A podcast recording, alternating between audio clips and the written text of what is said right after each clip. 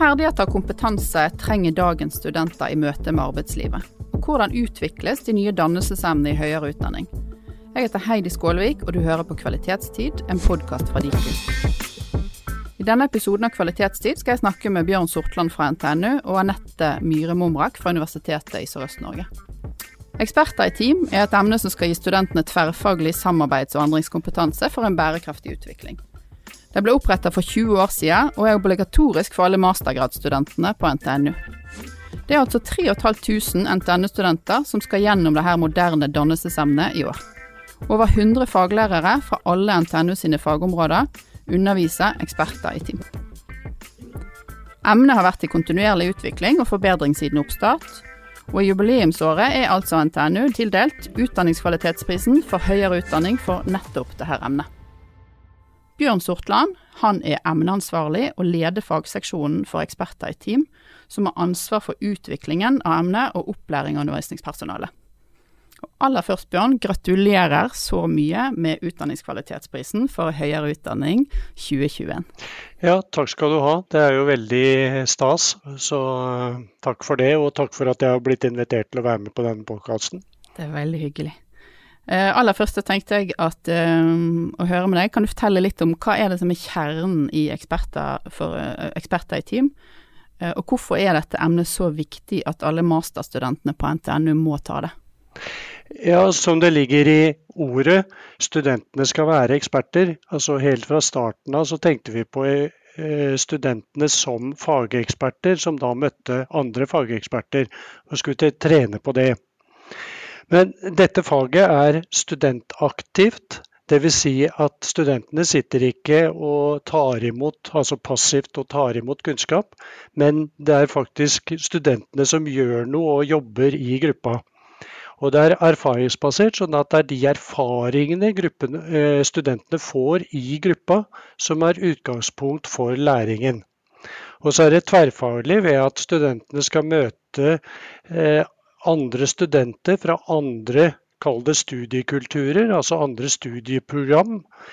Og da gjennom det samarbeidet utvikle det vi kaller samarbeidskompetanse.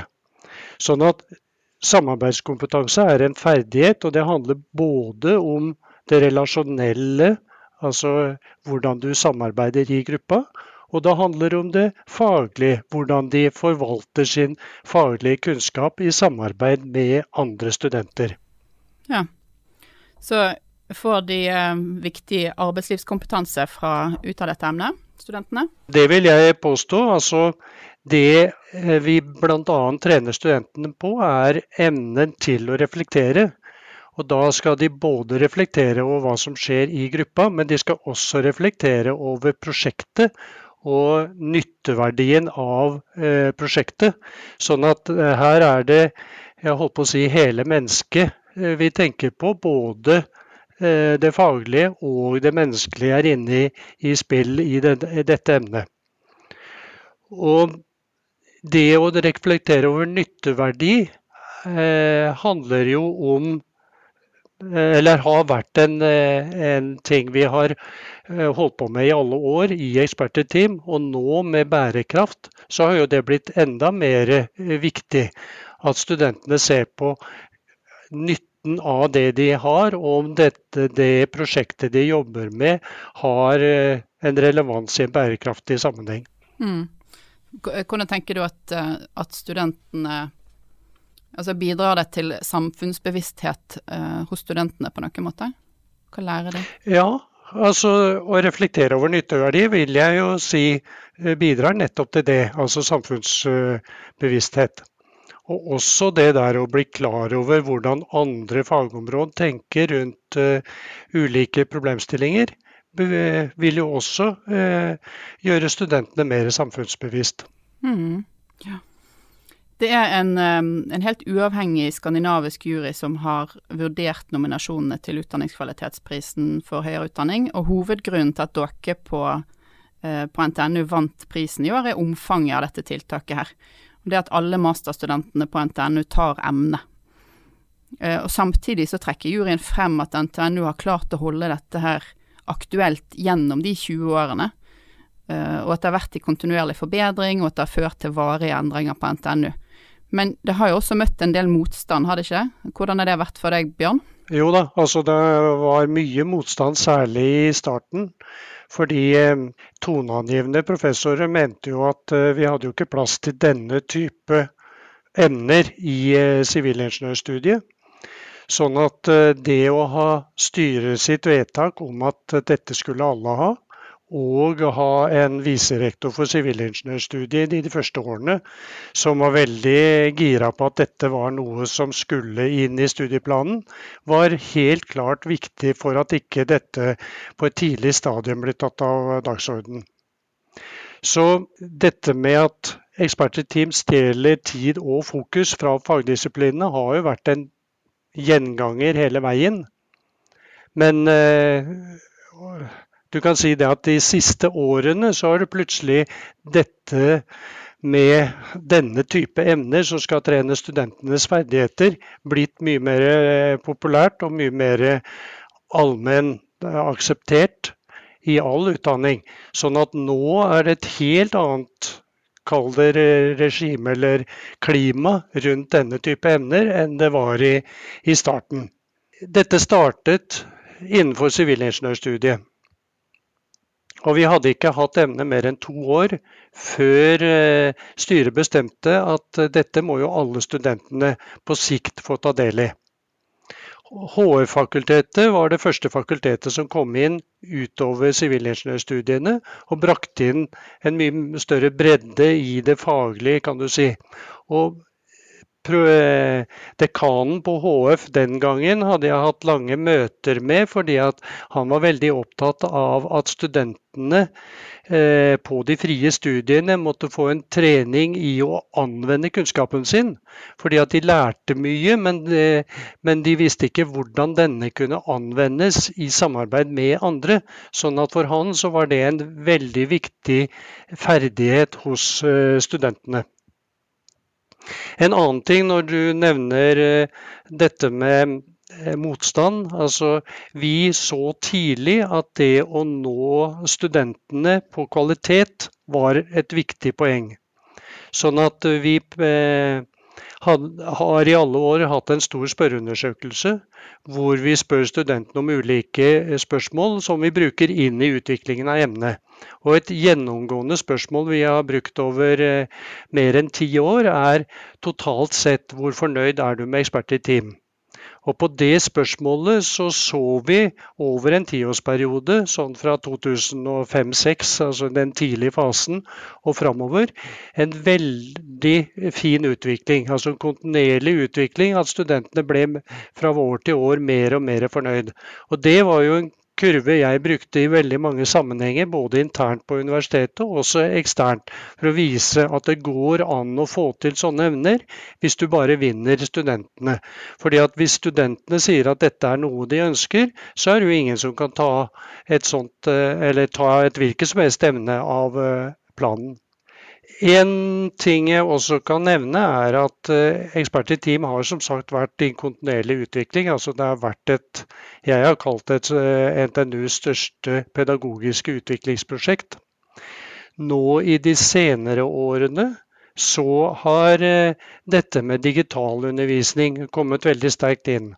For i forbindelse med fusjonen på de tre høyskolene som NTNU fusjonerte med, så var det særlig på Gjøvik at de var, eh, hadde lang erfaring med deltidsstudenter som ikke var på campus. Og de ga mastergrader til sånne studenter som i det hele tatt ikke var på campus.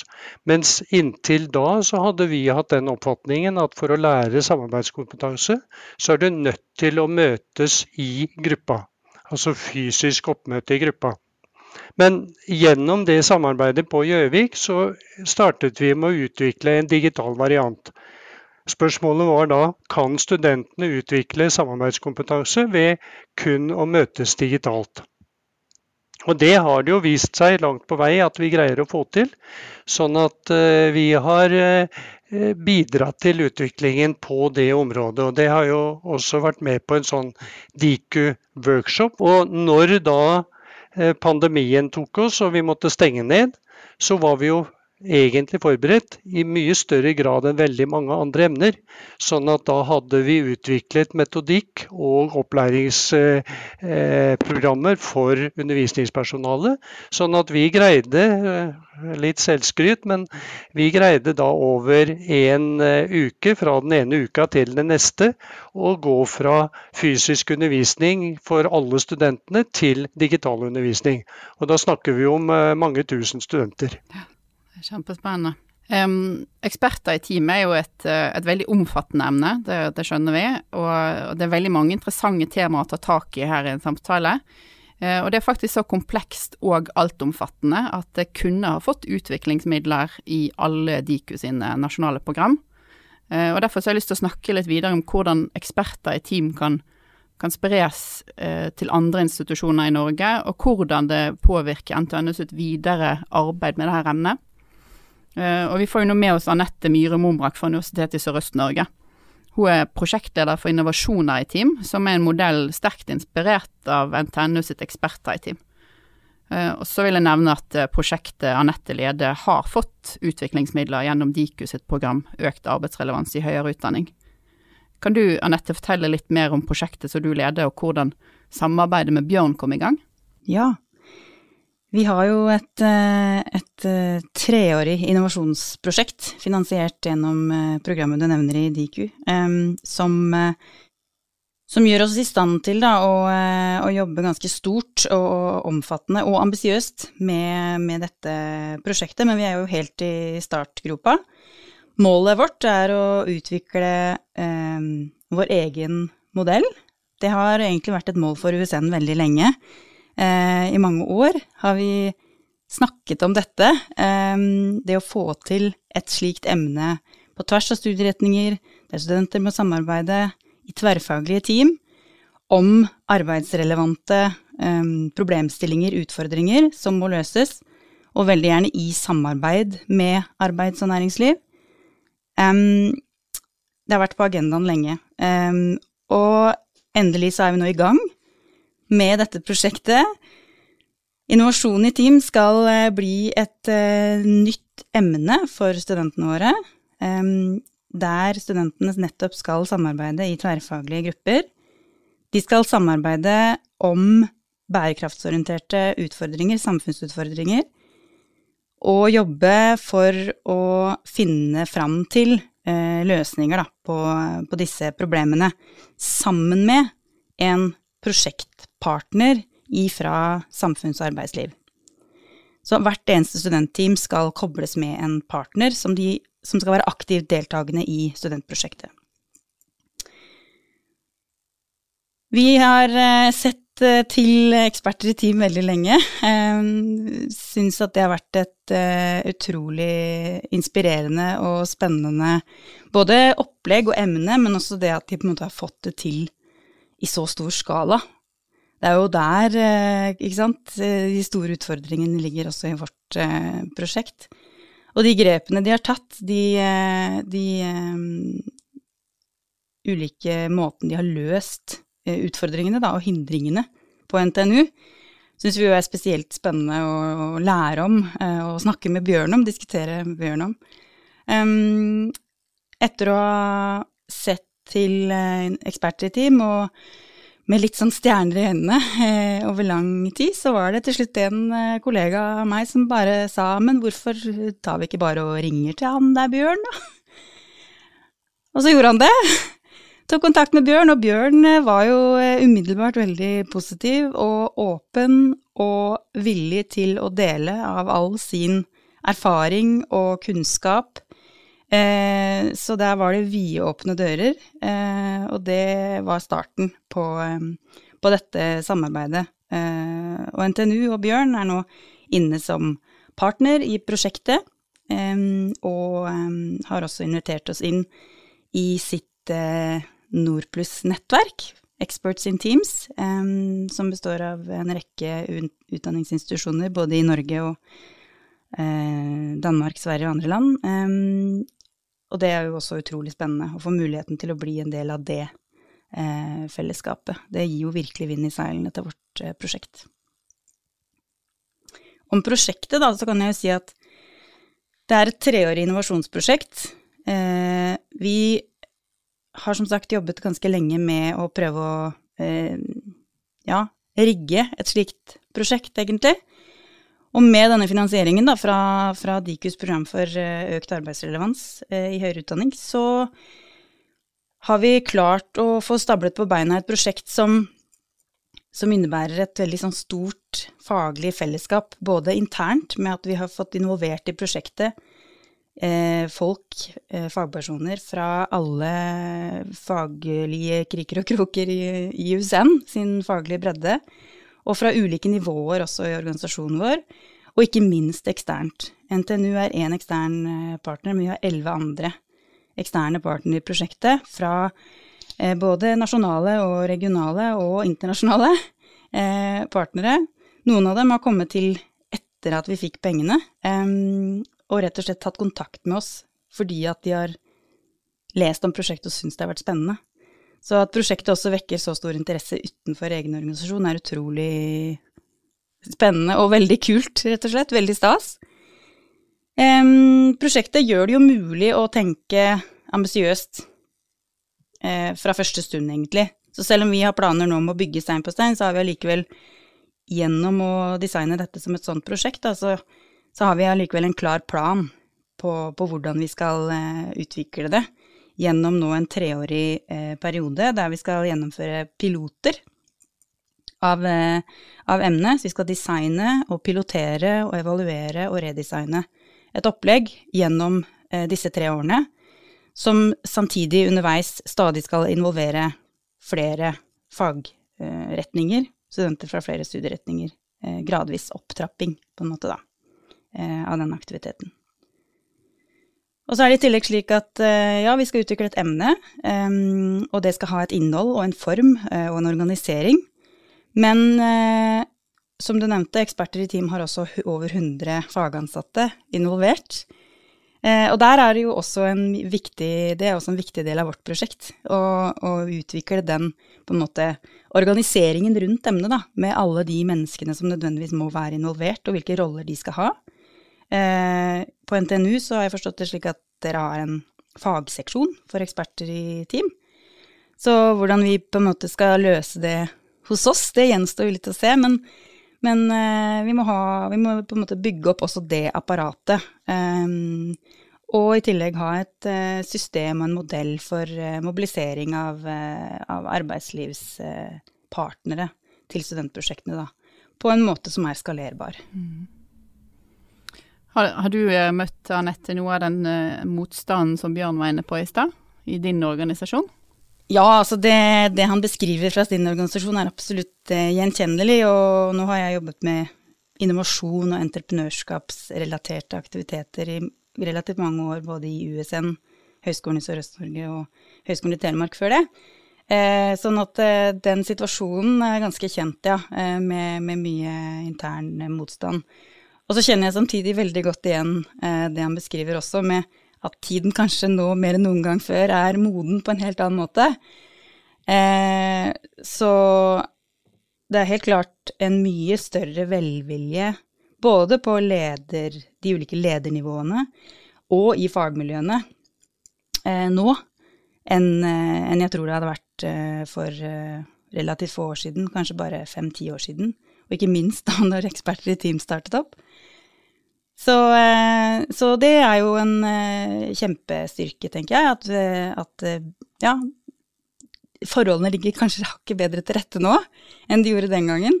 Eh, og så innebærer samtidig kanskje det at vi må finne litt andre løsninger eh, for hvordan vi skal løse det. Og, og, vi ser jo at noen av utfordringene, noen av de største utfordringene eh, for, for, vår del ligger jo også i på en måte det der med hvordan sånne type emner faktisk skal kunne få plass i en studieplan og i et studieprogram som allerede har masse viktig Alt som er i en studieplan fra før, er viktig, ikke sant? Så hva på en måte hva må vike, eller hvordan skal vi liksom innpasse dette på en sånn måte at ingenting eh, nødvendigvis forsvinner, da. Eh, der ligger det noen eh, kjempeutfordringer, og må vi helt sikkert finne ulike løsninger på for ulike studieprogram. En ting vi har snakket så vidt om, Anette, er dette med opplæring av lærere. Fordi at når du introduserer denne type ferdighetstrening eh, i studiet, så trenger du å trene lærerne, undervisningspersonalet, i det samme. Altså, De har jo ikke denne type erfaring fra sin egen utdanning eh, for lenge siden. Og dermed så Det vi har jobbet med i Ekspert i team, er jo både å lage en, en eh, praktisk opplæring av lærerne, men også skrev, laget en, det vi kaller en EIT-bok, hvor vi beskriver bakgrunnen for denne type utdanning, og også hvordan jeg holdt på å si en landsby skal drives. Altså hvordan praksisen i en landsby skal være. Og det tror jeg er et viktig nøkkelmoment. Å trene ferdigheter hos da undervisningspersonalet. Ja, absolutt. Veldig, veldig enig i det, og det er et uh, veldig viktig, viktig, poeng. Og det arbeidet dere også har gjort på NTNU rundt uh, det, er uh, til stor inspirasjon, absolutt. Og, og det er det samme behovet gjelder her hos oss, uten tvil. Noe av nøkkelen i ekspertteam er jo dette med refleksjon. Og det å få studentene til å reflektere over samarbeidet. Altså For studenter utvikler de ikke samarbeidsferdigheter bare ved å sette dem sammen i grupper. Man er nødt til å legge noen strukturer rundt. Og det vi gjør i ekspertteam, er å få studentene til å reflektere over de relasjonelle tingene som da faktisk skjer i gruppa. Og det å få til den refleksjonen, det krever både et rom for det, og også gjøre det trygt og tillatt. Sånn at eh, det å trigge den refleksjonen, det bruker vi det vi kaller læringsassistenter til, som er studenter som har en opplæring, og som da eh, har fått trening i det vi kaller å fasilitere studentgruppene. Dvs. Si å fortelle studentgruppene hva er det faktisk som skjer i gruppa. Og sånn at gruppa blir nødt til å, å diskutere hensikts eh, av å jobbe på den måten de driver med i øyeblikket. Det kan være så enkle ting som at én student eh, sitter på PC-en mens resten diskuterer et eller annet. Og så da fortelle dem det at nå observerer jeg at eh, en av dere er opptatt på PC-en mens dere andre diskuterer. Eh, hvordan tenker gruppa om det? Og da legge problemet tilbake igjen til gruppa. For det er gruppa som eier problemet og må diskutere det. Og det tenker jeg er jeg holdt på å si, utgangspunktet for å få til eh, samarbeid. Og når man går da videre til innovasjon, så får man jo ikke til den kreative kraften i gruppa hvis ikke gruppa kan samarbeide. Sånn at det er liksom en helt grunnleggende ferdighet som må på plass for at eh, vi skal få studentene til å kunne samarbeide og utvikle da nye tanker og nye ideer. Sånn at eh, da når vi snakker om ferdigheter knyttet til bærekraft, så vil jeg påstå at eh, samarbeidsferdigheter er en grunnleggende ferdighet som man er nødt til å få på plass i denne sammenheng. Du sa, Anette, jeg har lyst til å gå litt tilbake til det du sa i stad, dørene hos Bjørn har vært vidåpne, og du har fått deler av hans erfaringer. Eh, men kan du fortelle litt, eh, altså litt mer, hva er det Bjørn har bidratt med i prosjektet? Hva har du lært av han sånn helt konkret? Har du fått noen konkrete råd? Eh, ja, altså han, han kommer jo med råd nå, eh, og, og, det gjør han hver gang jeg snakker med han, så det er jo helt glimrende. Eh, ja, nei, vidåpne dører i den forstand at han er veldig eh, positiv, sier bare ta kontakt, eh, send mail og ring og Det har jeg gjort eh, ved flere anledninger, og også eh, f.eks. Som, som ble nevnt her i stad, et oppstartsseminar eh, hvor jeg bare noen få dager i forveien spurte om ikke Bjørn kunne holde et lite innlegg hvor han presenterte eksperter i team for hele vår prosjektgruppe. Eh, og det var yes, ikke noe problem, det skulle han, eh, skulle han ta. Eh, så han har vært veldig eh, åpen. Eh, vi har fått eh, materiell. Han har eh, svart på alt vi har av spørsmål, og, eh, og selvfølgelig også ja, kommet med mange, mange, råd, fortalt om prosessen eh, som de har vært igjennom, både fra, fra, tidlig fase og ikke minst hva de står i akkurat nå, da. som er utrolig nyttig for oss. Og som sagt, han beskriver jo et bilde som ja, som er gjenkjennelig, for å si det sånn. sånn at, eh, og han sier vel også selv at eh, når han hører de diskusjonene vi har i vår gruppe, så drar han også veldig kjensel på de, da. Ja. Nei, jeg, jeg syns jo det prosjektet dere har satt i gang på USN er veldig spennende. Og også det der at dere lager et emne nå på bachelornivå. Vi har vårt emne på masternivå. Og dermed så tror jeg at vi kan dra store, stor nytte av å høre på de diskusjonene dere har på bachelornivå. fordi at i forbindelse med fremtidens teknologistudium og fremtidens HUMSAM-studier, som to store prosjekter som nå går på NTNU, eh, så skal vi også eh, inkludere samarbeidskompetanse på bachelornivå. Og hvordan skal vi gjøre det? Så derfor så i den diskusjonen så er det helt klart at det dere holder på på USN er interessant for oss. Mm. Så du drar den direkte nytte av å, å være involvert i Anette sitt prosjekt da, kanskje? Ja, jeg, jeg, vil påstå det. Men det har jo vært noe av greia i det skandinaviske EIT-nettverket også. At til å begynne med så var jo eksperter i team og NTNU lå jo et godt hakk foran de andre. Men etter hvert når de begynte å ta etter det vi holdt på med, så stilte jo de vanskelige spørsmål tilbake til oss. Hvorfor i all verden gjør vi det på den og den måten? Og det hjalp jo oss i vår utvikling, fordi at da måtte vi tenke litt nøye igjennom hvorfor vi i all verden gjorde det på den måten. Så den dialogen man får til etter hvert når eh, andre begynner å utvikle tilsvarende ting, eh, tror jeg vi alle har nytte av. Og Det vi også har sagt i dette skandinaviske nettverket, er at dere må ikke prøve å implementere EIT eller NTNU-modellen på egen institusjon. Dere må eh, bli inspirert av det vi gjør, og lære av noen ting og forkaste andre ting. Og finne deres egen måte å gjøre dette på som passer i den eh, institusjonen dere er i. Og det har liksom vært mantra hele veien i denne. Mens vi har jo i hvert fall to eh, institusjoner i Danmark. Syddansk universitetet og DTU, altså Danmarks tekniske universitet, som gjør lignende ting som eksperter i team. Eh, for relativt mange studenter. Altså Ved DTU så er jo Innovation Pilot, som de kaller det, det er jo obligatorisk for eh, eh da alle diplomingeniørstudentene, som da også er på bachelornivå.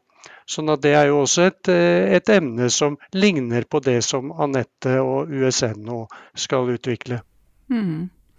Det var veldig gode, mange gode råd underveis her, men uh, jeg har lyst litt sånn avslutningsvis uh, å høre om dere kan på en måte oppsummere litt. Hva tenker dere er det som skal til for å, å lykkes med å implementere sånne store tverrfaglige emner? Ja, jeg har jo allerede sagt det, men en støtte fra toppen er veldig viktig.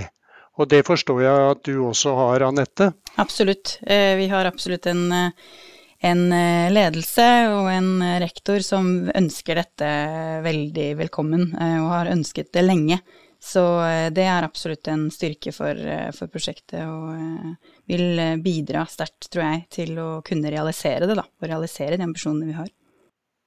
Og så finnes det jo i alle systemer ildsjeler som kan være med på den første reisen og sette i gang. Og som jeg sa, altså få til noe som studentene syns er bra.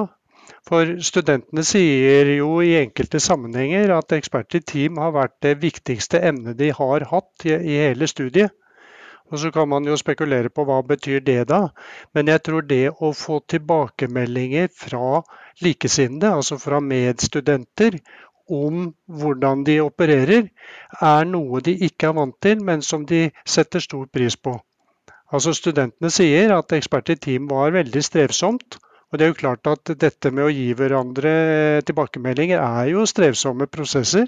Men at dette var veldig nyttig på sikt. For de lærte noe om seg selv som de kanskje ikke fullt ut var klar over. Ja. Vil du legge til noe, Anette, på, på hva, hva, som skal til her for å, for å lykkes? Ja, nei, det er eh, Fra mitt ståsted så er det den, eh, det å anerkjenne på en måte den kompleksiteten som ligger i å skulle eh, implementere et sånt her opplegg så, i så stor bredde, da, eh, og så stor skala som det som er ambisjonen her, og som NTNU har fått til. Eh, og forstå at eh, det handler om egentlig at vi, om ikke nødvendigvis absolutt alle i vår institusjon må være med på laget, så må allikevel hele institusjonen være sammen om det. Det må være et slags eh, felles eie for de ulike fagmiljøene, de ulike ledernivåene. Eh, og jeg tror også at eh, vi, en viktig nøkkel for eh, oss er alle de eksterne partnerne vi har. Det at vi har så mange som både ønsker å bidra til prosjektet, men som også ser at dette prosjektet er bra for vår region. Vi kan, eh, vi kan dra nytte av dette prosjektet på ulike måter. Det forplikter jo også USN, tenker jeg, på en helt annen måte enn om dette var noe vi holdt på med her innafor uh, husets fire vegger, for å si det sånn. Uh, sånn at det at vi har forventninger, veldig tydelige forventninger knytta til dette prosjektet, også fra verden der ute, det, det tror jeg er en viktig ting her. Du har jo knytta prosjektet veldig tett opp mot uh, mye næringsliv og offentlig virksomhet i regionen, og det tror jeg er veldig viktig. Det prøver vi å lære litt av Gjøvik-miljøet og gjøre tilsvarende, fordi at de Raufoss-miljøet f.eks. er veldig sånn, eh, en stor sånn industriklynge som, eh, som Høgskolen på Gjøvik tidligere hadde veldig eh, kontakt med, og som jeg tror ekspert i team kan lære av den måten å jobbe med arbeidslivet på. Så forbered deg på det spørsmålet som jeg har fått. Altså, vil innovasjonen i team gjøre til at du får mer knoppskyting i eh, området rundt universitetet? Det må vi jo kunne håpe på. Det må være et mål, det. Ja, ja. Nei, men eh, jeg har fått det spørsmålet fra Danmark, og eh, det er ikke så lett å svare på. Men forhåpentligvis så blir det jo sånn. Vi begynner dere å nærme oss uh, slutten av denne praten i dag. Uh, og vi avslutter med et uh, hypotetisk spørsmål til begge to. Først til Anette. nå er du statsråd for en dag med øverste politiske ansvar for norsk utdanning på alle nivå. Hva gjør du aller først? Um, ja, det er et stort og komplekst spørsmål. Det er mye å ta tak i på den fronten. Men eh, en eh, stor sak som eh, jeg har vært opptatt av gjennom hele mitt virke ved USN, og som har vært på den utdanningspolitiske agendaen egentlig de siste par tiåra, handler jo nettopp om å utruste framtidas arbeidskraft med den kompetansen og de ferdighetene som kan sette de i stand til å, til å ta aktivt del i og lede an en framtidig bærekraftig verdiskaping og samfunnsutvikling. Og det innebærer jo at de må trenes eh, i en del eh, ferdigheter og bygge opp kompetanse da, innafor ferdigheter som nytenking og kreativitet, og egentlig sånn entreprenørielle ferdigheter, kan du gjerne kalle de. Eh, men også samarbeid, ikke sant. Samarbeidskompetanse, alle disse tingene henger jo veldig sammen. Eh, de har vært nevnt som 21st century skills. Eh, generiske ferdigheter er et begrep vi har blitt kjent med gjennom ulike stortingsmeldinger og handlingsplaner. Arbeidsrelevans eh, har kommet veldig inn i det siste. Og eh, mange momenter i alle disse planene som vi har sett, eh, har vært eh, like. Og allerede i regjeringens handlingsplan for entreprenørskap i utdanning for 2009 til 2014 så ble det satt et mål om at innovasjon og entreprenørskap skulle være integrert i alle fagområder innen 2012. Det skjedde ikke. Ikke i nærheten engang, i hvert fall ikke på det tidspunktet. Vi er mye nærmere deg nå eh, enn en vi var da, men vi er fortsatt ikke helt i mål. Eh, og status nå er egentlig at nå er det mye bra aktivitet der ute, eh, men det er litt lite sammenheng eh, og litt lite helhet i det som skjer. Så det jeg ville tatt tak i, er eh, å på en måte revitalisert litt det arbeidet med å utvikle et bedre rammeverk og strukturer rundt hvordan både elever og studenter kan og bør trene på denne type ferdigheter, og utvikle den komplekse kompetansen det er, da.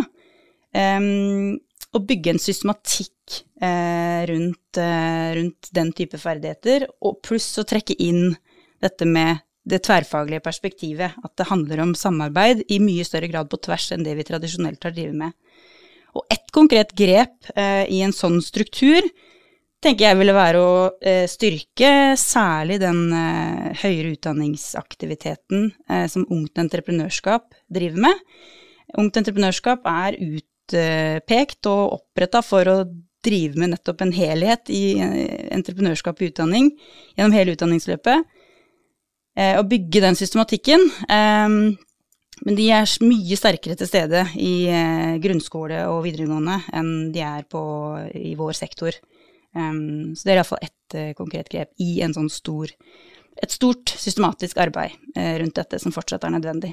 Hmm. Du har veldig mange timer i din dag, hører jeg. du fikk en dag. ut.